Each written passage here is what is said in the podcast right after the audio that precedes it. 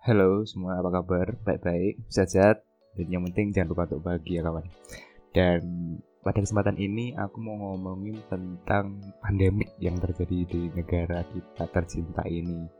Ya, itu memang sesuatu yang gak bisa dipungkiri gitu ya kan? Kita semua struggle with it, kita semua kayak merasa terganggu Kita merasakan resah kita setiap hari berpikir aduh kapan sih ini selesainya? Gitu gak sih?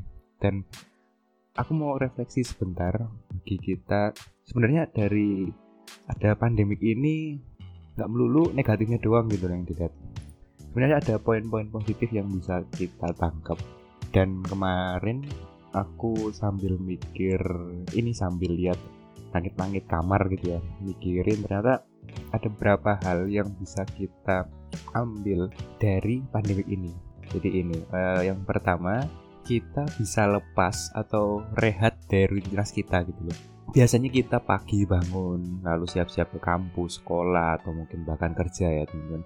Itu kita lakukan seminggu berturut-turut enam hari kita melakukan itu terus menerus menerus dan akhirnya itu bisa jadi kebiasaan kita yang buat kita kadang penat, jenuh, letih dan rutinitas-rutinitas itu yang membebani pikiran kita gitu loh.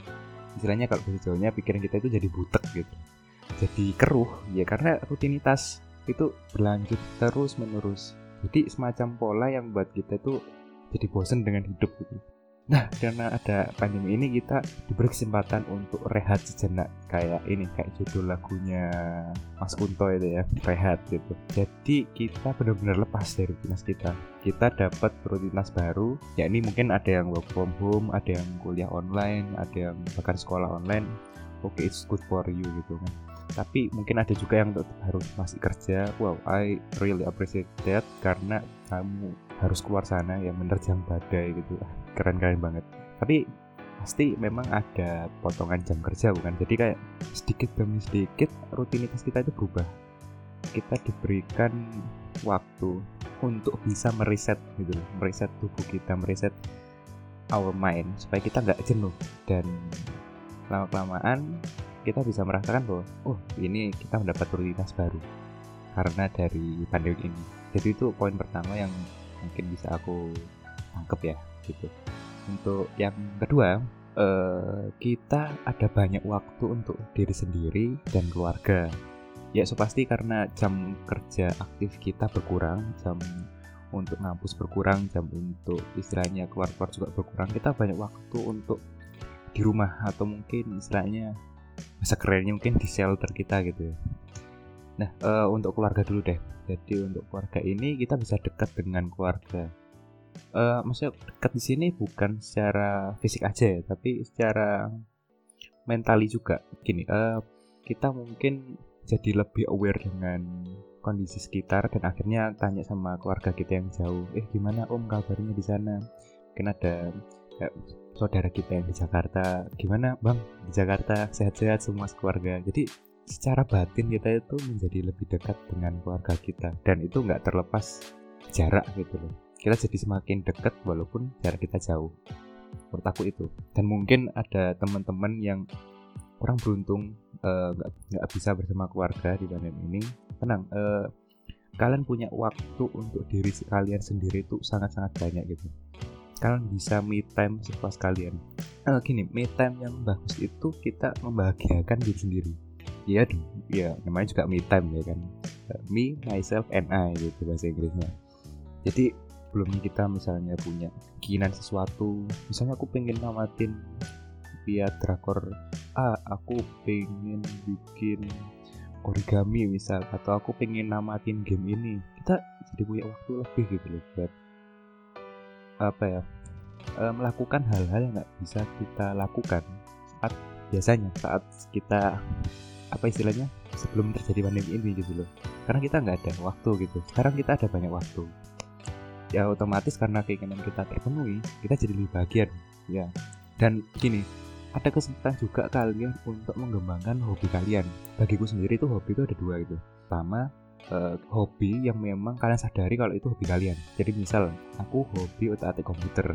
Dan aku sadar dan aku memang karena ada kuliah dan jadi jarang gitu taat kan.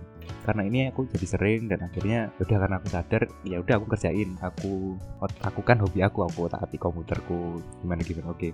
Dan hobi yang nggak kalian sadar itu kayak gini. Misal uh, suatu saat kalian lihat di YouTube nih ada orang bikin origami. Keren itu satu dari satu lembar kertas doang dia bisa bikin naga gitu ya misalnya. Kalian lihat itu wih satisfying banget gitu. Dan karena pekerjaan karena tuntutan kuliah atau mungkin apa-apa kalian jadi lupa dengan hal tersebut. Tapi karena algoritma YouTube ini hebat sekali video yang pernah kamu tonton itu kayak direkomendasikan lagi sama YouTube. Mungkin kalian pulang kerja terus lihat lagi wih orang orang ini sekarang bikin origami bikin bunga gitu.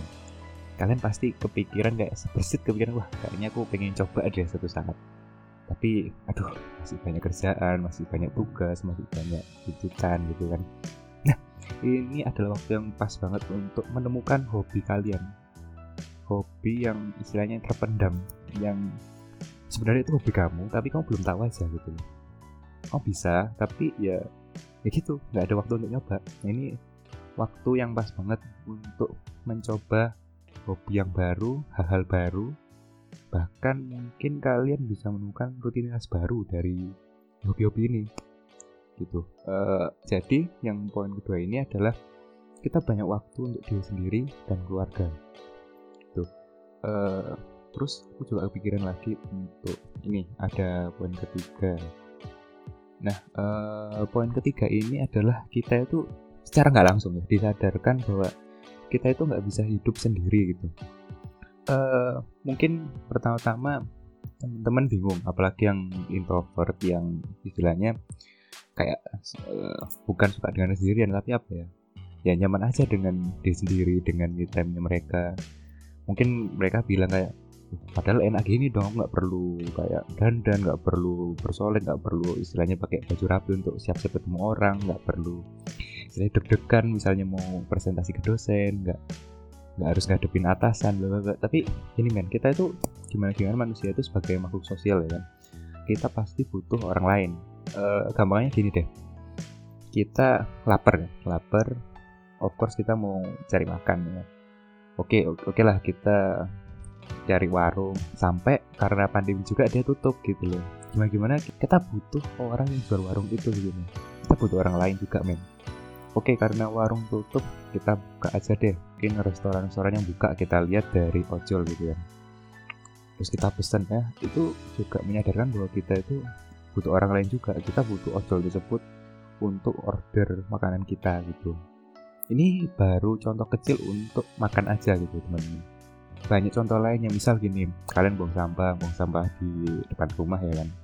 Atau mungkin kos-kosan buang sampah Nah, eh, pasti tiap hari ada yang ngambil sampah di komplek perumahan kalian. Di yang penting pasti ada lah. Nah, kamu bayangin kalau misalnya orang-orang itu nggak ada, sampahnya numpuk men. Dan, dan ya kita kembali butuh orang lain gitu. Eh, kita butuh, misal lagi sendiri nih. Suatu saat kalian pasti untuk yang merantau ya misal kalian nggak bisa pulang karena memang sudah kadung terjebak gitu kalian butuh keluarga kalian. Kalian butuh kalian lagi-lagi butuh orang lain gitu. kalian butuh penguatan dari keluarga kalian karena aduh nggak bisa pulang sedih gitu kan. Dan juga ada teman-teman kalian misal sendiri nih dan ada youtuber ada main game kan pasti butuh orang untuk bercerita gak sih? Dan itulah. Kalian pasti lagi-lagi butuh teman atau sahabat. Kalian lagi-lagi butuh person butuh orang yang real gitu butuh orang kan nggak bisa hidup sendiri. Dan uh, aku mau nekanin juga bahwa gini aku aku setiap hari itu main main game online ya kan. Dan aku itu voice call voice chat gitu sorry. Uh, dan kita pakai aplikasi namanya Discord dan Discord ini enak karena delaynya itu kecil banget. Dan karena memang game butuh istilahnya respon yang cepat. Hampir sama dengan kita ngomong langsung karena saking kecilnya gitu delay kita setiap hari keep in touch sama teman-teman sambil main game sambil discord. Tapi itu nggak bisa menggantikan the precious moment saat kita ketemu langsung saat kita face to face saat kita ngopi saat kita nongkrong saat kita ketemu di kampus.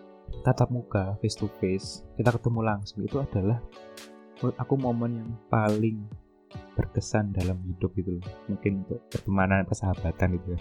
Karena itu bener-bener gini loh uh, ya memang kita bisa ngomong aduh udah udah lepas nih udah cerita udah gini gini gini udah curhat segala macam sampai nangis nangis. Tapi kalau belum ketemu orangnya sasa kurang gak sih? Bahkan kita fit call aja loh itu rasanya kayak kurang gitu loh. Kita pingin ketemu orangnya langsung.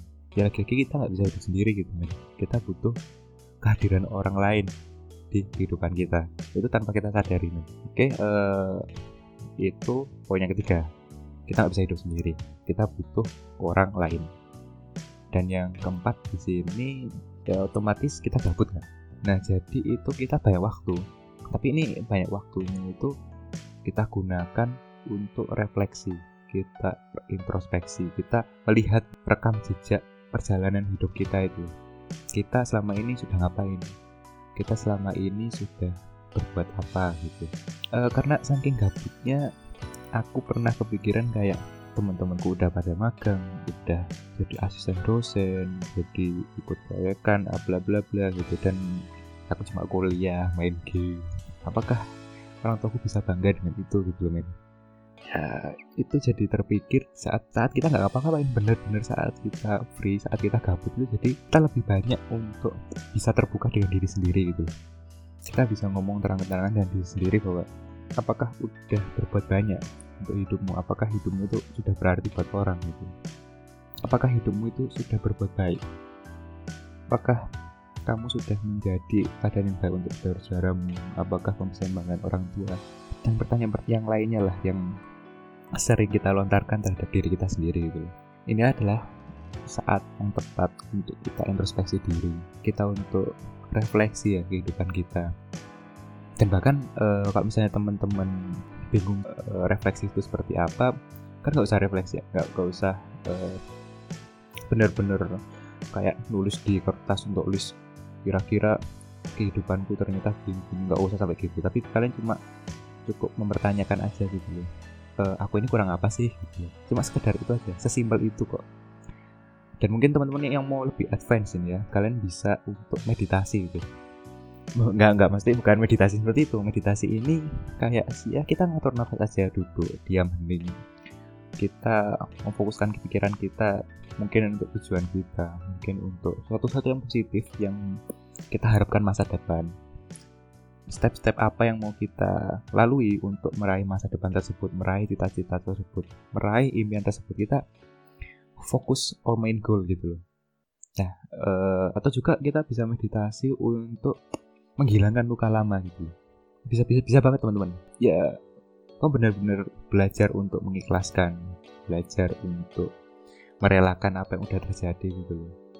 Hidup ini memang adalah perjalanan yang berat gitu kan. Kamu pasti struggle kamu pasti jatuh kamu pasti tertatih-tatih gitu dalam berjalan gitu. Tapi gimana gimana kamu tetap maju gitu kan dan meditasi ini membantu kamu untuk meriset semuanya. Istilahnya kalau kamu lari ya kamu lari cepat terus kejat terus kesandung itu aduh jatuh gitu. Kamu kayak duduk bentar kayak tarik nafas dulu.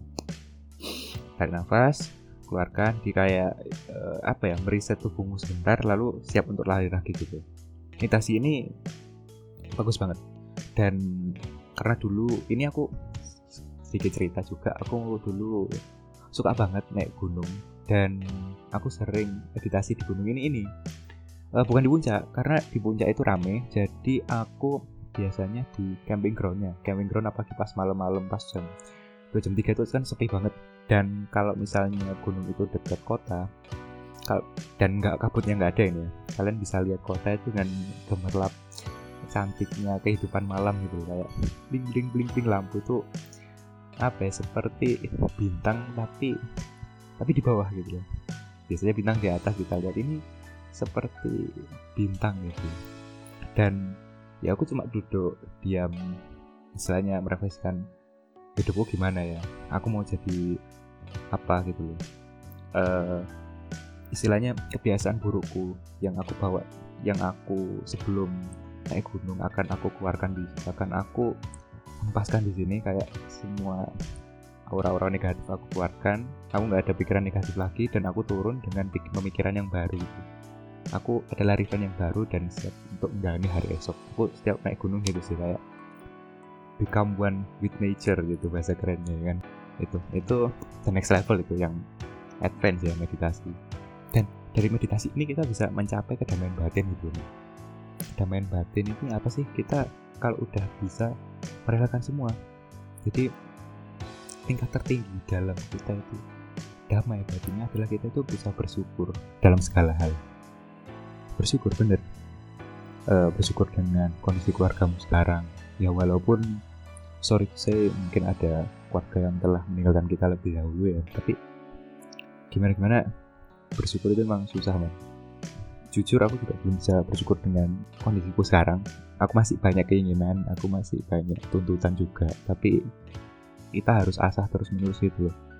Kita harus bisa bersyukur dengan keadaan kita. Kita harus bisa menerima di mana pun keadaan lingkungan kita. Kita harus bisa istilahnya ya ini aku gitu loh. Aku terlahir di sini dan gimana gimana pun aku harus bisa jadi orang yang lebih baik. Walaupun misalnya aku ada lingkungan yang jelek aku ada di tempat yang gak memungkinkan aku harus bisa menjadi lebih baik gitu loh. Mungkin itu teman-teman. Jadi refleksi dari pandemi ini kita banyak waktu untuk diri sendiri. Kita banyak waktu untuk meditasi refleksi.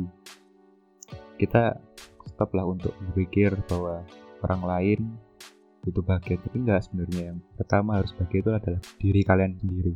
Itu yang terpenting. Membahagiakan orang tapi diri kalian sendiri belum bahagia. Memang semua orang pandai ya memasang senyuman di wajahnya tapi men kamu nggak capek? Setiap pagi siang kamu harus masang senyuman itu dan tiap malam kamu duduk di kasur dan ah ah ini hari yang berat. Aku harus bersiap-siap untuk tersenyum lagi besok gitu. Berat. Pada kesempatan ini bahagiakan diri kalian sendiri terlebih dahulu.